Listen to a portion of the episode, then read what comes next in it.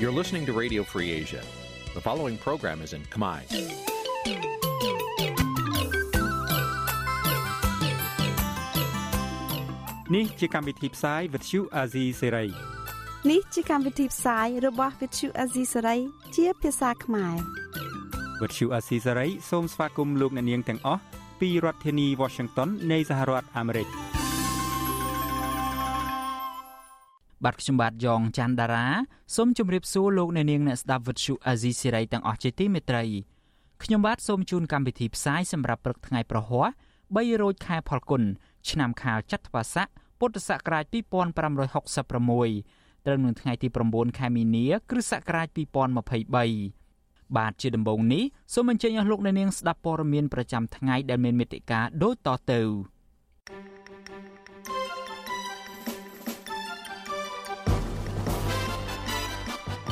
ក្រមយុវជនទាមទារឲ្យរដ្ឋាភិបាលលោកហ៊ុនសែនដោះលែងសកម្មជនស្ត្រីដែលកំពុងជាប់ឃុំយុវជនមួយក្រុមបងអត់អាហារទាមទារឲ្យលោកហ៊ុនសែនបើកវិទ្យុ VOD ឡើងវិញសហគមន៍ខ្មែរគាំទ្រតំណាងរាស្ត្រអូស្ត្រាលី ដែលស្នើឲ្យបិទទឹកថាការមន្ត្រីលោកហ៊ុនសែនអ្នកផ្ទុកមេរោគអេដនៅឃុំរកាខេត្តបាត់ដំបង ត្អូញត្អែពីការលំបាកដោយសារតែគ្មានជំនួយពីអង្គការនិងអាជ្ញាធររួមនឹងព័ត៌មានសំខាន់សំខាន់មួយចំនួនទៀត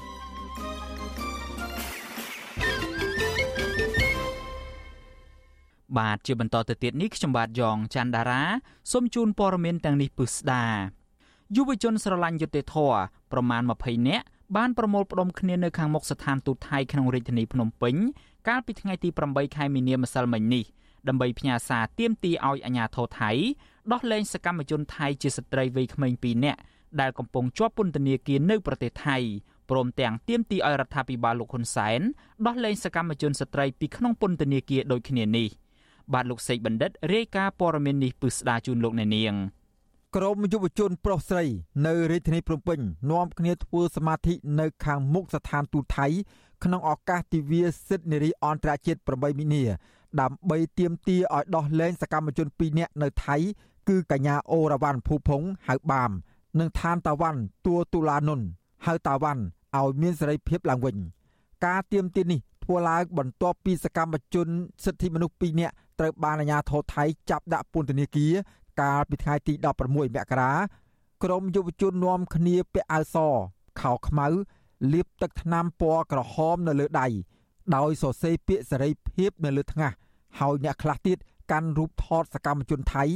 និងផ្កាពណ៌លឿងដែលតំណាងឲ្យភាពក្លាហានមោះមុត និងកាន់ទុកចំពោះសកម្មជនទាំងអស់ដែលបានជាប់ពន្ធនាគារដោយអយុត្តិធម៌កញ្ញាអូរ៉ាវ៉ាន់ភូផុងហៅបាម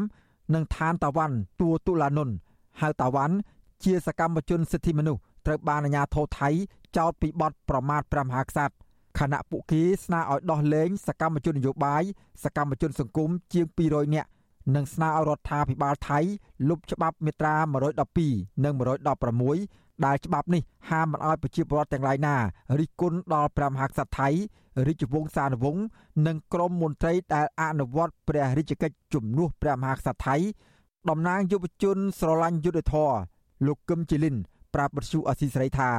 ការដែលក្រមយុវជនជួបជុំគ្នា ដើម្បីធ្វើសមាធិនេះគឺដើម្បីបង្ហាញពីការគោរពវីរភាពក្នុងនាមជាស្ត្រី ដែលពួកគាត់ហ៊ានលះបង់ជីវិត ដើម្បីទាមទារសិទ្ធិសេរីភាពលោកបញ្ជាក់ថាស្ត្រីទាំងអស់គួរតែទទួលបានសិទ្ធិពេញលេញមិនគួររងការធ្វើទុកបុកម្នេញនៅពេលពួកគាត់ប្រើប្រាស់សិទ្ធិរបស់ខ្លួននោះទេ អំឡុងពេលទិវាសិទ្ធិនារីអន្តរជាតិនេះរដ្ឋាភិបាលត្រូវលើកទឹកចិត្តយើងមើលឃើញថាសកម្មជននយោបាយជាស្ត្រីហើយនិងសកម្មជនបរិស្ថានកន្លងមកក្តីហើយសកម្មជនសហជីពក្តីជាស្ត្រីហ្នឹងយើងឃើញថាបច្ចុប្បន្ននេះក៏មានវត្តមាននៅក្នុងពន្ធនាគារនៅឡើយដែរហើយយើងគិតមើលឃើញថាការដែលពួកគាត់ទៅជាប់ក្នុងពន្ធនាគារទាំងអស់នោះវាមិនមែនដោយសារតែគាត់ប្រព្រឹត្តបទល្មើសនោះទេប៉ុន្តែវាជាការចោទប្រកាន់ទៅលើពួកគាត់ហើយព្យាយាមដាក់បន្ទុកលើពួកគាត់តាមការប្រើប្រាស់អំណាចតុលាការទៅលើពួកគាត់ហើយដាក់គាត់ចូលក្នុងពន្ធនាគារជាដើមស្រដៀងគ្នានេះដែរយុវជនស្រឡាញ់យុទ្ធធម៌ម្នាក់ទៀតគឺកញ្ញាមានលីសាថ្លែងថាគោលបំណងនៃការធ្វើសមាធិនេះដោយសារតែសកម្មជនសិទ្ធិមនុស្សជនជាតិថៃពីររូបត្រូវជាប់ពន្ធនាគារនេះមិនខុសអ្វីពីប្រទេសកម្ពុជានោះទេ ដែលពួកគាត់ចេញទាមទារសិទ្ធិសេរីភាពប៉ុន្តែបែររងការគំរាមកំហែងពីសំណាក់អាជ្ញាធរហើយនេះជាសញ្ញាប្រាប់ថាភាពអយុត្តិធម៌គឺនៅជុំវិញខ្លួនយើង។ ខ្ញុំសូមសំណូមពរដល់រាជរដ្ឋាភិបាលកន្លងមកយុវជនមិនថាស្ត្រីឬបុរសទាំងគាត់បានចូលរួមប្រឡូកក្នុងកិច្ចការងារសង្គមមិនថាបរិស្ថានក្តីសិទ្ធិមនុស្សក្តីសូមជួយជំរុញជាជាងការឆ្លើយតបដោយអវិជ្ជមានការឆ្លើយតបដោយការរើសអើងមកកាន់យុវជនព្រោះវាមិនមែនជាសារល្អវាមិនមែនជាទង្វើដែលអ្នកដឹកនាំគួរធ្វើទេអ្នកដឹកនាំគួរតែឆ្លើយតបដោយវិជ្ជមានវាមានអ្វីច្រើនណាស់ដែលមេដឹកនាំអាចឆ្លើយតបដើម្បីប្រយោជន៍ជាតិជាជាងឆ្លើយដោយការរើសអើងមកកាន់យុវជន ជុំវិញរឿងនេះប្រធានសព័ន្ធនិស្សិតបញ្ញវន្តខ្មែរលោកកើតសរាយយល់ឃើញថាការបង្ហាញរបស់យុវជនទាំងនេះគឺជាឆន្ទៈស្រឡាញ់លទ្ធិប្រជាធិបតេយ្យដូចគ្នា និងរងភាពអយុត្តិធម៌ដូចគ្នា ហើយពួកគេចាប់ផ្ដើមរួបរวมគ្នា ដើម្បីបង្កើននូវសាមគ្គីភាព ពីព្រោះកម្ពុជា និងថៃ មានភាពប្រកម្មរកូសនឹងគ្នាប៉ុន្តែលោកថានេះជាជំហានមួយដែលក្រមយុវជនអាចរក្សាទំនាក់ទំនងគ្នា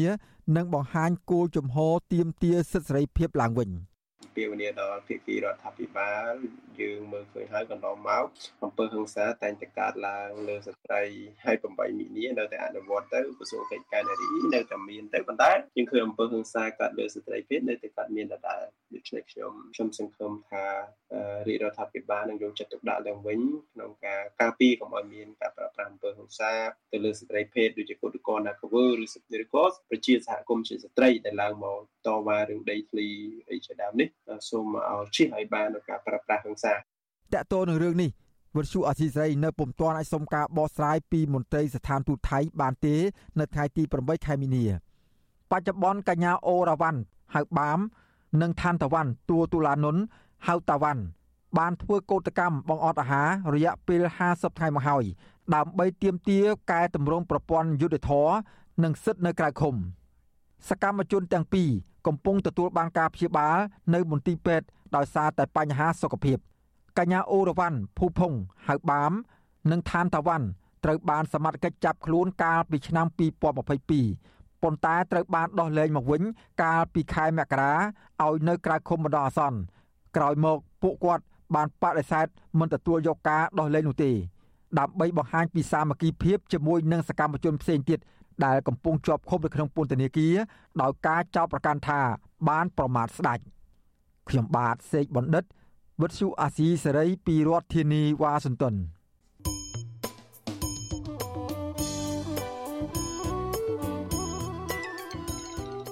លោកអ្នកនាងជាទីមេត្រីដំណើរគ្នានឹងស្ដាប់ការផ្សាយរបស់វិទ្យុអាស៊ីសេរីនៅតាមបណ្ដាញសង្គម Facebook និង YouTube លោកអ្នកនាងក៏អាចស្ដាប់ការផ្សាយរបស់យើង តាមវិទ្យុរលក ធាតុអាកាសខ្លីបានដែរពេលព្រឹកចាប់ពីម៉ោង5កន្លះដល់ម៉ោង6កន្លះតាមរយៈប៉ុស SW 9.39 MHz ស្មើនឹងកម្ពស់ 32m និងប៉ុស SW 11.85 MHz ស្មើនឹងកម្ពស់ 25m ពេលយប់ចាប់ពីម៉ោង7កន្លះដល់ម៉ោង8កន្លះតាមរយៈប៉ុស SW 9.39 MHz ស្មើនឹងកម្ពស់ 32m ប៉ុស SW 11.88 MHz ស្មើនឹងកម្ពស់ 25m និងប៉ុស SW 15.15 MHz ស្មើនឹងកម្ពស់ 20m បាទសូមអរគុណ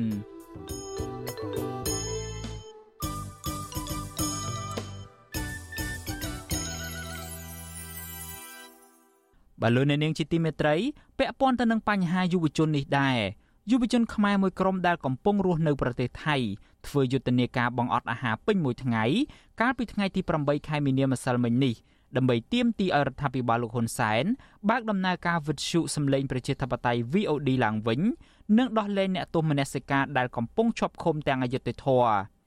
អង្គការសង្គមស៊ីវិលយល់ថាសកម្មភាពទាមទាររបស់យុវជននេះគឺជារឿងដែលត្រឹមត្រូវស្របតាមច្បាប់ដូច្នេះរដ្ឋាភិបាល គួរតែពិចារណាឡើងវិញនៅក្នុងការបើកវិទ្យុ VOD ដើម្បីស្ដារប្រជាធិបតេយ្យនៅកម្ពុជា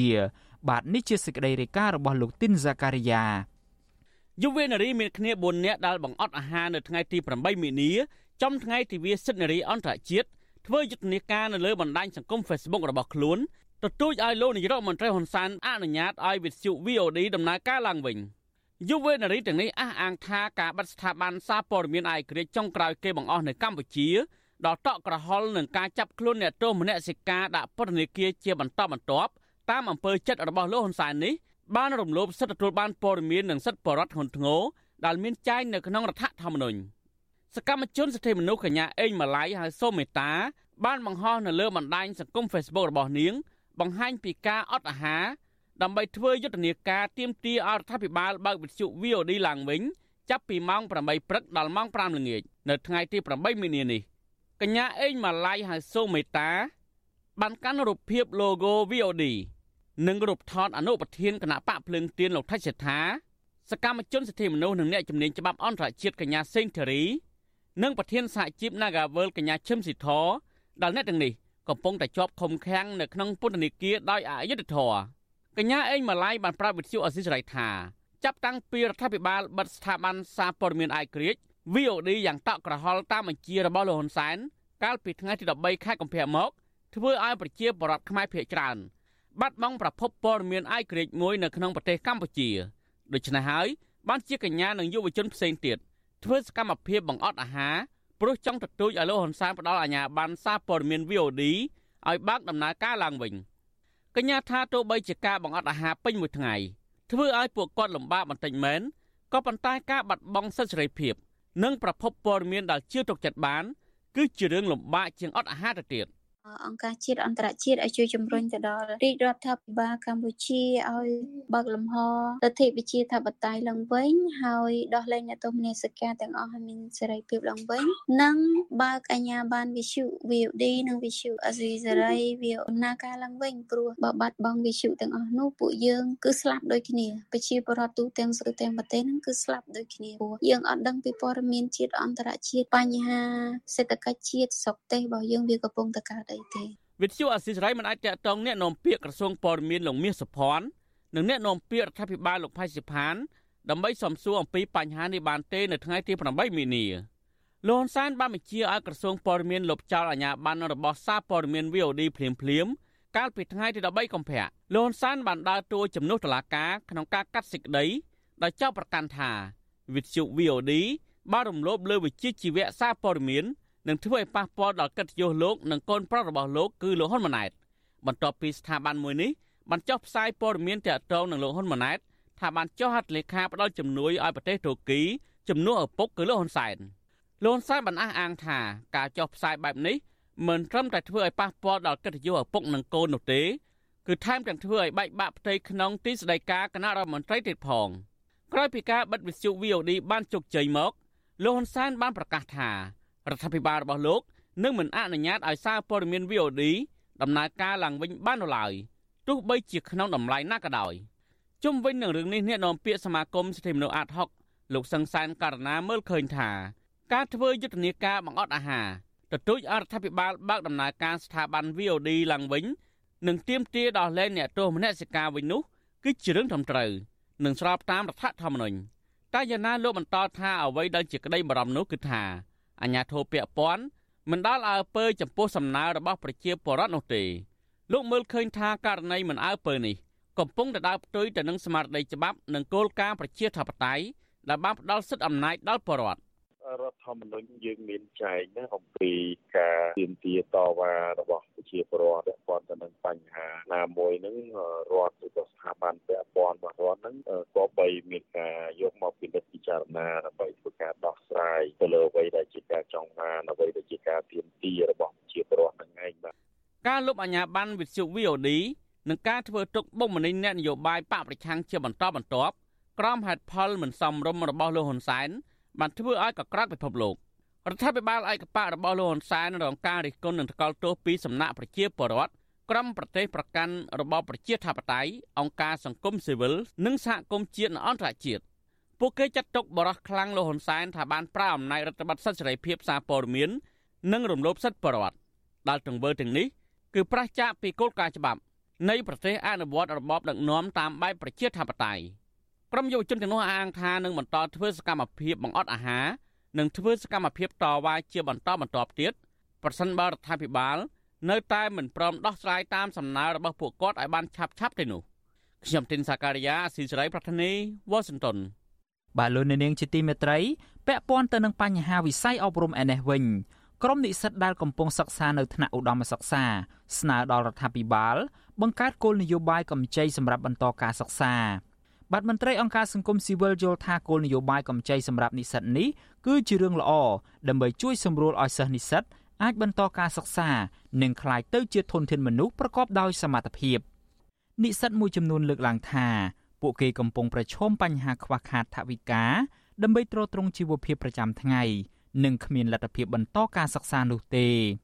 ពួកគេបង្ខំចិត្តធ្វើការពេញម៉ោង ឬក៏ក្រៅម៉ោងដើម្បីបានថវិកាមួយចំនួន ផ្គត់ផ្គង់ការហូបចុក និងបង់ថ្លៃសាលារៀននិស្សិតផ្នែកព័ត៌មានវិទ្យានៃសាកលវិទ្យាល័យភូមិន្ទភ្នំពេញលោកខ្លែងពិសិដ្ឋថ្លែងថារាល់ថ្ងៃលោកធ្វើការងារជាអ្នកដឹកជញ្ជូនម្ហូបអាហារក្រៅម៉ោងនៅក្រុមហ៊ុនឯកជនមួយក្នុងរាជធានីភ្នំពេញលោកបន្តថាប្រាក់ចំណូលមធ្យមដែលលោកទទួលបានគឺត្រឹមតែ7ដុល្លារប៉ុណ្ណោះនៅក្នុងមួយថ្ងៃបន្ទាប់ពីចាក់សាំងម៉ូតូរួច លោកបន្ថែមថាការធ្វើការងារក្រៅម៉ោងនេះស្ទើរតែមិនអាចទប់ទល់ថ្លៃចំណាយប្រចាំថ្ងៃនោះទេហើយនៅមានការចំណាយផ្សេងទៀតរួមមានថ្លៃផ្ទះជួល50ដុល្លារនៅក្នុងមួយខែនិងថ្លៃបង់សាលាមួយឆ្នាំចំនួន500ដុល្លារថែមទៀតលោកបញ្ជាក់ថាប្រសិនបើរដ្ឋាភិបាលមានកម្ចីសម្រាប់និស្សិតបន្តការសិក្សានៅសាកលវិទ្យាល័យពិតមែននោះគឺជាការល្អប្រសើរសម្រាប់សិស្សនិស្សិតដែលកំពុងតែខ្វះខាត ស្នើសុំទៅរដ្ឋដើម្បីជួយដល់សិស្សក្រីក្រឲ្យមានលទ្ធភាពរៀនតផងជួយគ្នាមានតាមការដើម្បីរៀនអញ្ចឹងស្រដៀងគ្នានេះដែរនិស្សិតឆ្នាំទី4ផ្នែកវិរិយសាស្ត្រនៃវិទ្យាស្ថានបច្ចេកវិទ្យាកម្ពុជាកញ្ញាវិសិទ្ធសុជាតាប្រាប់វិទ្យុអាស៊ីសេរីថាក្រៅពីការសិក្សានៅសាកលវិទ្យាល័យកញ្ញាធ្វើជាគ្រូបង្រៀនក្រៅម៉ោង នៅសាលាឯកជនមួយនៅក្នុងរាជធានីភ្នំពេញ កញ្ញាបន្តថាការរៀននៅសាកលវិទ្យាល័យត្រូវរៀនទាំងព្រឹកនិងពេលរសៀលមិនអាចធ្វើការពេញម៉ោងបាននោះទេពលគឺអាចធ្វើការបានតែត្រឹមចុងសប្តាហ៍ប៉ុណ្ណោះកញ្ញាបន្ថែមថាប្រាក់ចំណូលដែលទទួលបានគឺខ្ទង់100ដុល្លារក្នុងមួយខែសម្រាប់យកមកបន្តការសិក្សាកញ្ញាវិសុទ្ធសុជាតាត្រេកអរប្រសិនបរដ្ឋាភិបាលមានគោលនយោបាយកម្ចីសម្រាប់និស្សិតបន្តការសិក្សានៅថ្នាក់មហាវិទ្យាល័យពីព្រោះអាចជួយសម្រួលទៅដល់ការហូបចុក ការស្នាក់នៅនិងបង់ថ្លៃសាលាបាន។រដ្ឋាភិបាលលោកគួរតែបង្កើតឲ្យមាននៅប្រាក់កម្ចីសម្រាប់និស្សិតដែលបញ្ចង់បន្តការសិក្សានៅសាកលវិទ្យាល័យបើសិនជារដ្ឋលោកអាចផ្ដល់ប្រាក់កម្ចីសម្រាប់ពួកគាត់ដែលជាសិស្សនិស្សិតក្នុងការយកទៅសិក្សាបន្តវាគឺជារឿងល្អមួយព្រោះសប្តាហ៍ហ្នឹងកំណើននិស្សិតនិស្សិតមានការកើនឡើងជាលំដាប់ប៉ុន្តែបញ្ហាចម្បងដែលពួកគាត់ជួបប្រទះគឺបញ្ហាហិរញ្ញវត្ថុសេដ្ឋកិច្ចរបស់ពួកគាត់ដោយសារតែពេលខ្លះគ្រួសាររបស់គាត់មានជីវភាព ខ្សត់ខ្សោយពេលខ្លះទៀតគាត់មកពីតំបន់ដាច់ស្រយាលឬក៏នៅតាមខេត្តឆ្ងាយឆ្ងាយអញ្ចឹងការដែលបន្តការសិក្សានៅសាកលវិទ្យាល័យវាគឺជារឿងលំបាកសម្រាប់ពួកគាត់ដូចគ្នានេះដែរនិស្សិតដែលទើបតែបញ្ចប់ការសិក្សាផ្នែកបរិស្ថានកញ្ញាសរុនរងសៃថ្លែងថាកញ្ញាធ្លាប់ឆ្លងកាត់ការធ្វើការងារក្រៅម៉ោងជាអ្នកចាប់ទឹកកកតាមរោងការឬក៏រោងបុណ្យជាដើមដើម្បីទទួលបានប្រាក់បន្តិចបន្តួចសម្រាប់បន្តការសិក្សានៅថ្នាក់មហាវិទ្យាល័យ កញ្ញាបន្តថាចំណូលត្រឹមតែ6ឬមួយក៏7ដុល្លារក្នុងមួយថ្ងៃអាចហូបត្រឹមតែពងមាន់ឬពងទាតែប៉ុណ្ណោះដើម្បីសល់លុយកាក់ខ្លះទៀតសម្រាប់ទិញសៀវភៅឬក៏ឯកសារមេរៀនកញ្ញាមិនមានលទ្ធភាពគ្រប់គ្រាន់នៅក្នុងការចូលរៀនសាលាភាសាឯកជននោះទេដោយសារតែគ្មានប្រាក់ សិនជាមានការរៀបចំឲ្យមានជាគោលនយោបាយច្បាស់លាស់នៅក្នុងការផ្តល់ប្រាក់កម្ចីនោះគឺយើងមើលឃើញថាវាផ្តល់សារៈសំខាន់ច្រើនខ្លាំងមែនទែនដល់ប្រទេសជាតិរបស់យើងទាំងមូលហើយវារួមចំណែកក្នុងការអភិវឌ្ឍធនធានមនុស្សធនធានមនុស្សទាំងអស់ហ្នឹងនឹងរួមចំណែកឲ្យមានការអភិវឌ្ឍរបស់ប្រទេសជាតិទាំងមូលទៅមុខទៀតហើយជាកម្លាំងចិត្តមួយដែរសម្រាប់ឲ្យសិទ្ធិរបស់យើងដែលនៅតាមខេត្តតែគាត់ចង់ឡើងមករៀននៅរាជធានីភ្នំពេញហ្នឹងឲ្យគាត់បានសម្រេចក្តីសុបិនរបស់គាត់ ការអំពាវនាវរបស់ក្រុមនិស្សិតនេះក៏ដូចគ្នាទៅនឹងអាណាព្យាបាលដែលមិនមានលទ្ធភាពនៅក្នុងការឧបត្ថម្ភដល់កូនឲ្យបន្តការសិក្សានោះដែរពួកគាត់ព្រួយបារម្ភថាកូនកូនរបស់ពួកគាត់នឹងមិនមានអាហារូបត្ថម្ភគ្រប់គ្រាន់បណ្ដាលឲ្យកើតជំងឺស្លេកស្លាំងដោយសារការហូបចុកខ្វះសារធាតុចិញ្ចឹមនិងងាយប្រឈមនឹងជំងឺផ្សេងផ្សេងប្រជាពលរដ្ឋមួយរូបនៅខេត្តបាត់ដំបង លោកកបថា ដែលមានកូនចំនួន2នាក់ កំពុងបន្តការសិក្សានៅរាជធានីភ្នំពេញនិយាយថាលោកសប្បាយចិត្តប្រសិនបរដ្ឋាភិបាលមានគោលនយោបាយកម្ចីសម្រាប់និស្សិតបន្តការសិក្សានៅសាកលវិទ្យាល័យលោកបន្តថាដោយសារវ័យកាន់តែចាស់លោករកចំណូលប្រចាំថ្ងៃពុំសូវបានដូចពីមុននោះទេ ជាហេតុមិនមានលទ្ធភាពផ្គត់ផ្គង់តម្រូវការរបស់កូនកូនរៀន បើសិនជារដ្ឋាភិបាលជំរុញថវិកាមួយចំនួនដល់ពលនិស្សិតអីហ្នឹងជាការល្អប្តីគ្នានៅរៀនបើសម័យពីដើមមិញក្មេងៗថ្ងៃអាទិត្យគេទៅធាក់ស៊ីក្លូដើម្បីយកលុយមករៀនដល់សម័យឥឡូវនេះវាហួសពេលអាធាក់ស៊ីក្លូហើយទៅធ្វើការនៅកន្លែងផ្សេងផ្សេងមួយខែដូចបានជា100អញ្ចឹងមិនអាចបងថ្លៃផ្ទះថ្លៃភ្លើងអាណាចង់រៀនគួរអាណាថ្លៃហូបចុកផងដូច្នេះវាវារោមិនអាចរោចិញ្ចឹមខ្លួនបានណាតាមរបាយការណ៍របស់ក្រសួងអប់រំយុវជននិងកីឡាឆ្នាំ2020-2021 និស្សិតថ្នាក់បរិញ្ញាបត្រមានចំនួនជាង170,000នាក់និស្សិតថ្នាក់ក្រោយបរិញ្ញាបត្រចំនួន710,000នាក់ក្នុងនោះថ្នាក់បរិញ្ញាបត្រជាន់ខ្ពស់ជាង8,000នាក់និងថ្នាក់បណ្ឌិតមានចំនួន7,000នាក់តកតងទៅនឹងរឿងកម្ចីសម្រាប់និស្សិតនេះក្រសួងអប់រំយុវជននិងកីឡាធ្លាប់បានលើកយកបញ្ហានេះទៅពិភាក្សាជាមួយធនាគារឯកជននិងបានដាក់បញ្ចូលនៅក្នុងផែនការយុទ្ធសាស្ត្រវិស័យអប់រំក៏ប៉ុន្តែមិនទាន់ឃើញកម្មវិធីនេះលេចចេញជាផ្លូវការនៅឡើយទេ តាំងតែពីឆ្នាំ2016មកអ្នកនាំពាក្យក្រសួងអប់រំយុវជននិងកីឡាលោករស់សុវិចាប្រាប់វិទ្យុអាស៊ីសេរីថាក្រសួងកំពុងតែគិតគូរអំពីករណីកម្ចីសម្រាប់និស្សិតនេះដោយពិចារណាទៅលើកត្តាសង្គមសេដ្ឋកិច្ចនិងទស្សនវិជ្ជាពាក់ព័ន្ធក៏ប៉ុន្តែលោកមិនទាន់អាចបញ្ជាក់បានថាតើគម្រោងនេះនឹងចាប់ផ្ដើមអនុវត្តនៅពេលណានោះទេជុំវិញករណីនេះប្រធានសមាគមសម្ព័ន្ធនិស្សិតបញ្ញវន្តខ្មែរលោកកើតសរាយមានប្រសាសន៍ថា ជារឿងត្រឹមត្រូវដែលរដ្ឋាភិបាលគួរតែមានគោលនយោបាយកម្ចីសម្រាប់និស្សិតបន្តការសិក្សានៅសាកលវិទ្យាល័យលោកបន្តថានិស្សិតដែលរៀនផងនិងធ្វើការផង តែងតែជួបនៅបញ្ហានិងមិនអាចរៀនសូត្របានពេញលេញនោះទេ ពីព្រោះពួកគេត្រូវបែងចែកពេលវេលារវាងការងារនិងការធ្វើការ។ ដើម្បីយើងទទួលបានធនធានល្អសម្រាប់បម្រើប្រទេសដើម្បីយើងទទួលបានធនធានដែលមានគុណភាពនិងចង់មិនចង់រដ្ឋាភិបាលត្រូវតែគិតគូរគំពីទៅដល់ពួកគាត់ហើយត្រូវតែគិតគូរឲ្យស៊ីជម្រៅមែនទែនទើបអាចធ្វើឲ្យប្រសិទ្ធភាពឬក៏គុណភាពនៃការទទួលបានពីសិស្សនិស្សិតរបស់ខ្លួនឯងល្អជាពិសេសការគំពីផ្នែកផ្លូវចិត្តនិងការធានាឲ្យពួកគាត់អាចរៀនចប់ចង់ចប់ដើមណានៅកម្ពុជាបច្ចុប្បន្ននេះយុវជនដែលចង់បន្តការសិក្សានៅថ្នាក់ឧត្តមសិក្សា ភាគច្រើនអាស្រ័យទៅលើការឧបត្ថម្ភពីគ្រួសារនិងការធ្វើការងារក្រៅម៉ោងប្រសិនបើពួកគាត់ខ្វះខាតថវិកាពួកគាត់អាចស្វែងរកកម្ចីឥណទាននេះបាននៅតាមស្ថាប័នឯកជន ដូចជាធនាគារនិងគ្រឹះស្ថានមីក្រូហិរញ្ញវត្ថុក៏ប៉ុន្តែពួកគេត្រូវសងត្រឡប់ទៅវិញ នៅក្នុងអត្រាការប្រាក់ខ្ពស់ក្រមនិស្សិតនិងអង្គការសង្គមស៊ីវិលនៅតែស្នើយ៉ាងទទូចដល់រដ្ឋាភិបាលបង្កើតឲ្យមានជាគោលនយោបាយកម្ចីសម្រាប់និស្សិតនេះ ដើម្បីឲ្យកម្ពុជាមានធនធានមនុស្សប្រកបដោយគុណភាព និងសមត្ថភាព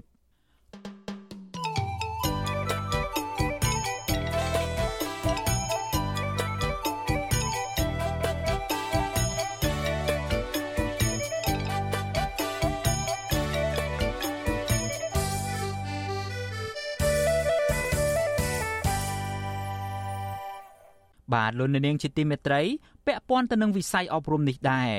គ្រូបង្រៀននៅវិទ្យាល័យហ៊ុនសែនប្រសូតនៅក្នុងខេត្តស្វាយរៀងកំពុងប្រមូលស្នាមមេដៃដាក់ទៅអង្គភាពប្រឆាំងអំពើពុករលួយ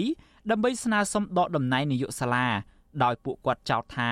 ជាអ្នកដឹកនាំបែបផ្ដាច់ការប្រព្រឹត្តអំពើពុករលួយ និងប្រើប្រាស់ពាក្យអសុរោះជេរប្រមាថសិស្សអាណាព្យាបាល និងគ្រូបង្រៀនថ្នាក់ក្រោមបាទលោកជីវិតារាយការណ៍ពឹស្ដារអំពីរឿងនេះ។ ក្រុមគ្រូបង្រៀននៅវិទ្យាល័យហ៊ុនសែនប្រសូតនៅស្រុកស្វាយទៀបខេត្តស្វាយរៀងលើកឡើងថាពួកគាត់ភ័យច្រើនមិនអាចស៊ូទ្រាំនឹងការដឹកនាំបែបផ្ដាច់ការនិងការប្រើប្រាស់ពាក្យសម្ដីអសុរោះគ្មានសិលធម៌របស់នាយកសាលាបច្ចុប្បន្នទៀតទេ ហើយចង់ដកនាយករូបនេះចេញពីតំណែងគ្រូបង្រៀនថ្នាក់ទី12ខាងជីវវិទ្យាលោកអៀងសំអ៊ីមប្រាប់វិទ្យុអាស៊ីសេរីនៅថ្ងៃទី8មីនាថា គ្រូបង្រៀនជាង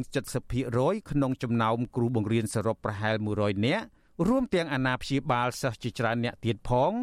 បានទូរស័ព្ទនិងផ្ញើសារមកលោកដើម្បីប្រមូលស្នាមមេដៃដាក់ពាក្យប្តឹងទៅអង្គភាពប្រឆាំងអំពើពុករលួយសូមដកនាយកសាលាឈ្មោះច័ន្ទកឹមសែនចេញពីតួនាទី លោកបន្តថានាយកសាលាលោកច័ន្ទកឹមសែនតែងសម្រេចធ្វើអ្វីៗតាមអំពើចិត្តដូចជាការរៃអង្គាសថវិកាសិស្ស និងអាណាព្យាបាលសិស្សសម្រាប់យកមកអភិវឌ្ឍសាលា ហើយមិនដែលបើកសិទ្ធឲ្យគ្រូបង្រៀនទាំងអស់បញ្ចេញមតិយោបល់ម្ដងណាឡើយនៅក្នុងកិច្ចប្រជុំនិងថែមទាំងមិនឲ្យដឹងពីការចំណូលចំណាយក្នុងសាលាទៀតផងលើសពីនេះនាយកសាលាក៏តែងប្រើពាក្យសម្ដីចំអេះចំអាបជេរទៅលើសិស្សអាណាព្យាបាលសិស្សនិងគ្រូបង្រៀនយ៉ាងបើកចំហដោយមិនគិតពីផលប៉ះពាល់ក្នុងនាមជាគំរូអ្នកដឹកនាំស្ថាប័នអប់រំនោះទេ ម៉ែឯងសិតតែពួកឈួតម៉ែឪឯងហ្នឹងគឺនៅក្រោមអាចអញរហូតដល់អាចអញជប់រៀកបាទហើយអាក្រៅពីនឹងទៀតគឺមានអាគ្រូចំសៀតអាគ្រូមរៀលមរៀលច្រើនណាស់បងតែពាក្យដែលมันអាចទទួលយកបានលោកគ្រូផ្សេងទៀតគាត់អាចចាំបានផ្សេងទៀតក្រៅពីនឹង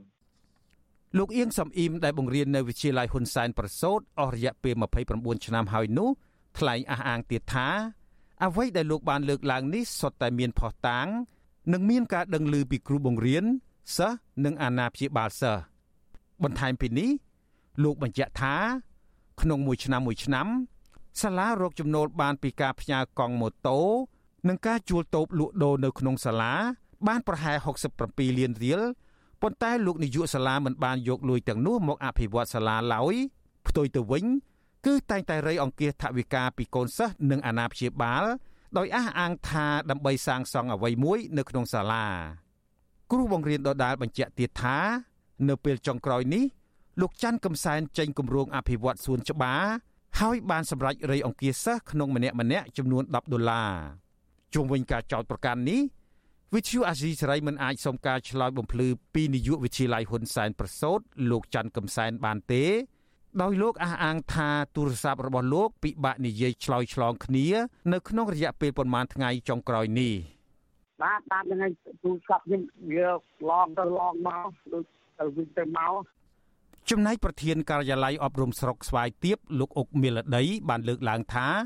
លោកបានដឹងពីទំនាស់រវាងគ្រូបង្រៀននិងនាយកសាលាហ៊ុនសែនប្រសូតនេះហើយតាមរយៈការបង្ហោះវីដេអូនៅក្នុងគណនី Facebook របស់លោកគ្រូអៀងសំអ៊ីម លោកបន្តថាកាលពីថ្ងៃទី7មីនាការិយាល័យអប់រំស្រុកបានហៅលោកអៀងសំអ៊ីមមកសួរនាំបញ្ជាក់ពីការពិតនៅអ្វីដែលលោកបានលើកឡើងនៅក្នុងវីដេអូចោទប្រកាន់ទៅលើនាយកសាលារបស់ខ្លួនហើយការិយាល័យអប់រំស្រុកគ្មានសិទ្ធិទៅសម្របសម្រួលភាគីទាំងពីរនោះឡើយ ខ្ញុំមិនថាមិនគិតថាវិធានការអីទេគាត់ថាបើអាចសម្របសម្រួលបានសម្របសម្រួលទៅបើសម្របសម្រួលគ្នាមិនបានចាត់ការតាមណាតាមទៅទៅតាមផ្លូវច្បាប់ឲ្យទៅព្រោះអង្គភាពតែមួយរួមគ្នាហើយយើងមានការរកកគ្នាបន្តិចបន្តួចអញ្ចឹងក៏ធ្វើទៅឥឡូវឥឡូវនេះមិនទាន់ត្រូវគ្នានៅឡើយទេកាលពីថ្ងៃទី5មីនាកន្លងទៅលោកអៀងសំអ៊ីមបានបង្ហោះវីដេអូមួយតាមគណនី Facebook របស់លោក ដើម្បីស្នើឲ្យសាលាខេត្តរួមទាំងមន្ទីរអប់រំយុវជននិងកីឡានិងការិយាល័យអប់រំស្រុកជួយអន្តរាគមន៍បញ្ឈប់ការរៃអង្គាសថវិកាសិស្សនៅវិទ្យាល័យហ៊ុនសែនប្រសូតនិងត្រូវចាត់វិធានការលើការប្រើប្រាស់ពាក្យសម្ដីជាប្រមាថនិងពាក្យអសុរោះពីនាយកសាលានៅក្នុងវីដេអូដែលមានរយៈពេលជាង13នាទីមានអ្នកចែករំលែកបន្តតាមបណ្ដាញសង្គម Facebook ជិត1000នាក់និងអ្នកចូលរួមសរសេរក្នុងខ្ទង់ comment ជិត2000នាក់ ភាគច្រើនជាអាណាព្យាបាលសិស្សនិងអតីតសិស្សរៀននៅវិទ្យាល័យហ៊ុនសែនប្រសូតអ្នកចូលទៅសរសេរ comment ស្ទើរតែទាំងអស់បានគាំទ្រការចោទប្រកាន់ទៅលើនាយកសាលាលោកច័ន្ទកឹមសែនជាមួយគ្នានេះគ្រូបង្រៀននៅវិទ្យាល័យហ៊ុនសែនប្រសូតដែលសូមមិនបញ្ចេញឈ្មោះម្នាក់បានលើកឡើងថាអ្វីដែលលោកអៀងសំអ៊ីមបានរៀបរាប់នៅក្នុងវីដេអូនោះសុទ្ធតែជាការពិតនិងបានកើតឡើងរាប់ឆ្នាំមកហើយមិនដែលមានអ្នកណាហ៊ានទម្លាយឲ្យគេដឹងឮនោះទេ ទោះជាយ៉ាងណាក៏ដោយចុះអ្នកនាំពាក្យសមាគមការពារសិទ្ធិមនុស្សនៃសមាគមអាត6លោកសង្សានករណាយល់ឃើញថាក្រសួងស្ថាប័នពាក់ព័ន្ធគួរតែបើកការស៊ើបអង្កេតរឿងនេះឲ្យបានច្បាស់ហើយបើរកឃើញការពិតដូច្នោះមែនក្រសួងគួរតែដាក់ពិន័យឬអនុវត្តច្បាប់ដើម្បីកុំឲ្យមានរឿងស្រដៀងគ្នានេះកើតមាននៅក្នុងសង្គមតទៅទៀត។ កណាយើងជាអ្នកដឹកនាំនៅក្នុងស្ថាប័នមួយហើយជាពិសេសជាសាលារៀនទៅទៀតជាកន្លែងបណ្ដុះស្នាលមនុស្សទៅទៀតហើយបែរជាទៅប្រើប្រាស់នៅពាក្យសម្ដីកាយវិការមិនសមរម្យបែបហ្នឹងវាជាគំរូអាក្រក់មួយមន្ត្រីសង្គមស៊ីវិលរូបនេះចង់ឲ្យក្រសួងអប់រំយុវជននិងកីឡាដាក់ប្រអប់សម្រាប់ទទួលបណ្ដឹងនៅតាមសាលារៀនទាំងអស់ដើម្បីផ្ដល់ភាពងាយស្រួលដល់គ្រូឬសិស្ស អាចដាក់បណ្ដឹងអនាមិកជុំវិញបញ្ហានៅក្នុងសាលារៀនរបស់ខ្លួនជៀសវាងការកើតមានរឿងមិនពេញចិត្តរាប់ឆ្នាំហើយទុកចោលមិនបានប្តឹងស្វែងរកកិច្ចអន្តរាគមន៍លោកជឿថាប្រសិនបើធ្វើបែបនេះ វានឹងអាចជួយកាត់បន្ថយរឿងមិនប្រក្រតីជាពិសេសអំពើពុករលួយ ដែលកើតឡើងតាមសាលារៀនជាច្រើនខ្ញុំជីវិតាអាស៊ីសេរី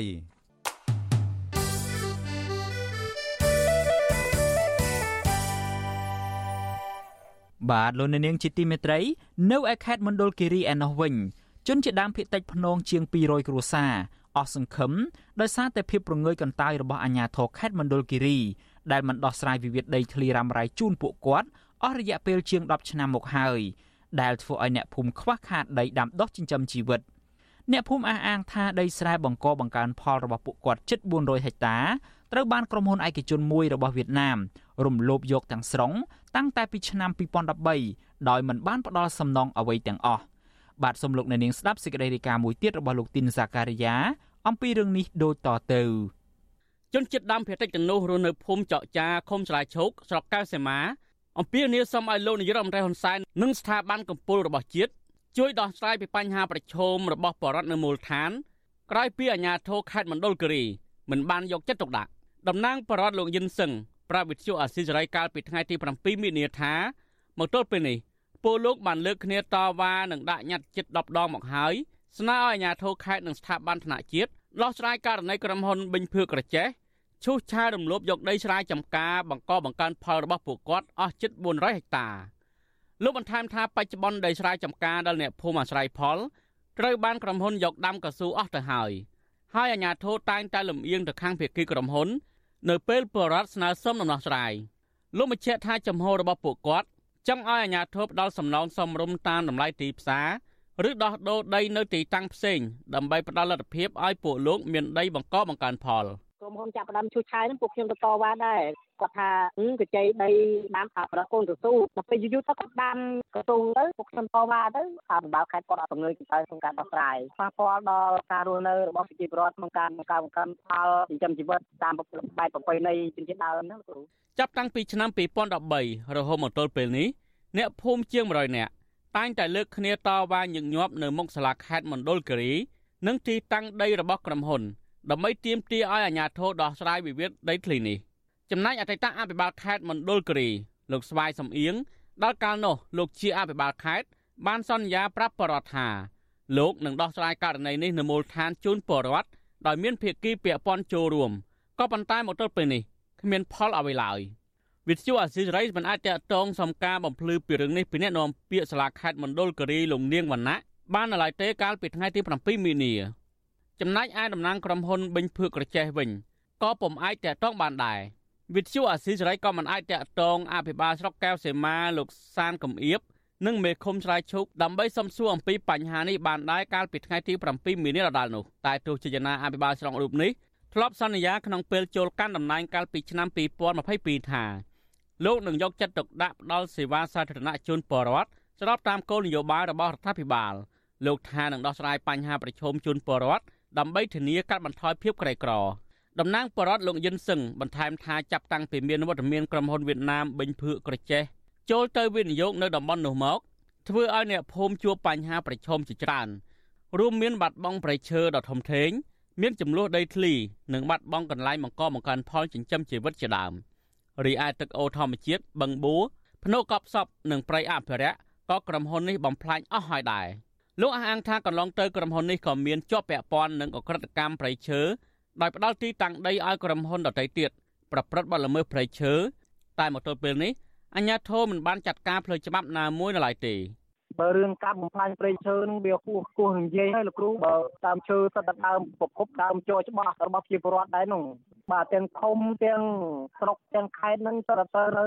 ជាមួយក្រុមហ៊ុនទាំងអស់លោកគ្រូក្រុមហ៊ុនសម្បត្តិសេដ្ឋកិច្ចបេញភឿក្រចេះរបស់វៀតណាមទទួលសិទ្ធិវិនិយោគពីរដ្ឋាភិបាលលើផ្ទៃដីជិត10000ហិកតា កាលពីឆ្នាំ2012ក្រុមហ៊ុននេះវិនិយោគដាំដំណាំកៅស៊ូចេកនិងម្ទេសស្ថិតនៅក្នុងស្រុកកៅសីមាខេត្តមណ្ឌលគិរីជាប់ប្រទល់នឹងខេត្តក្រចេះអ្នកភូមិថាក្រុមហ៊ុនវៀតណាមនេះបានបំពេញកិច្ចសន្យាវិនិយោគជាច្រើនករណីតែមិនឃើញអាជ្ញាធរចុះស៊ើបអង្កេតដើម្បីចាត់វិធានការផ្លូវច្បាប់ណាមួយនៅឡើយទេរយៈពេលជាច្រើនឆ្នាំមកនេះជុំវិញនឹងរឿងនេះមន្ត្រីសម្រាប់សម្រួលសមាគមការពារសិទ្ធិមនុស្សអាត់ហុកខេត្តមណ្ឌលគិរីលោកប៊ីវ៉ានីដែលចុះអង្កេតរឿងនេះឲ្យដឹងថា អញ្ញាធិធ្លាប់ចុះដោះស្រាយកាត់ជ្រៀលដី ពីក្រុមហ៊ុនជូនបរដ្ឋទំហំ375ហិកតាក៏ប៉ុន្តែមិនទាន់ដឹងថាទីតាំងជ្រៀលដីជាក់ស្ដែងនៅចំណុចណាមួយនៅឡើយទេ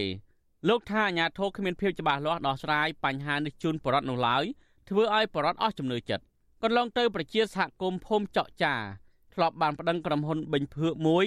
ថាបានរំលោភកិច្ចព្រមព្រៀងរបស់អាជ្ញាធរខេត្តដែលសម្រេចឲ្យកាត់ជ្រៀលដីទំហំជិត400ហិកតា ពីក្រុមហ៊ុន ដើម្បីប្រគល់ជូនពលរដ្ឋអ្នកភូមិអាងថាមកទល់ពេលនេះមិនទាន់ឃើញមានទីតាំងដីដែលកាត់ជ្រៀលនោះនៅទីណានៅឡើយទេពួកគេអាងថានឹងដាក់ញត្តិជាថ្មីទៀតទៅស្ថាប័នថ្នាក់ជាតិនិងខុទ្ទកាល័យលោកហ៊ុនសែន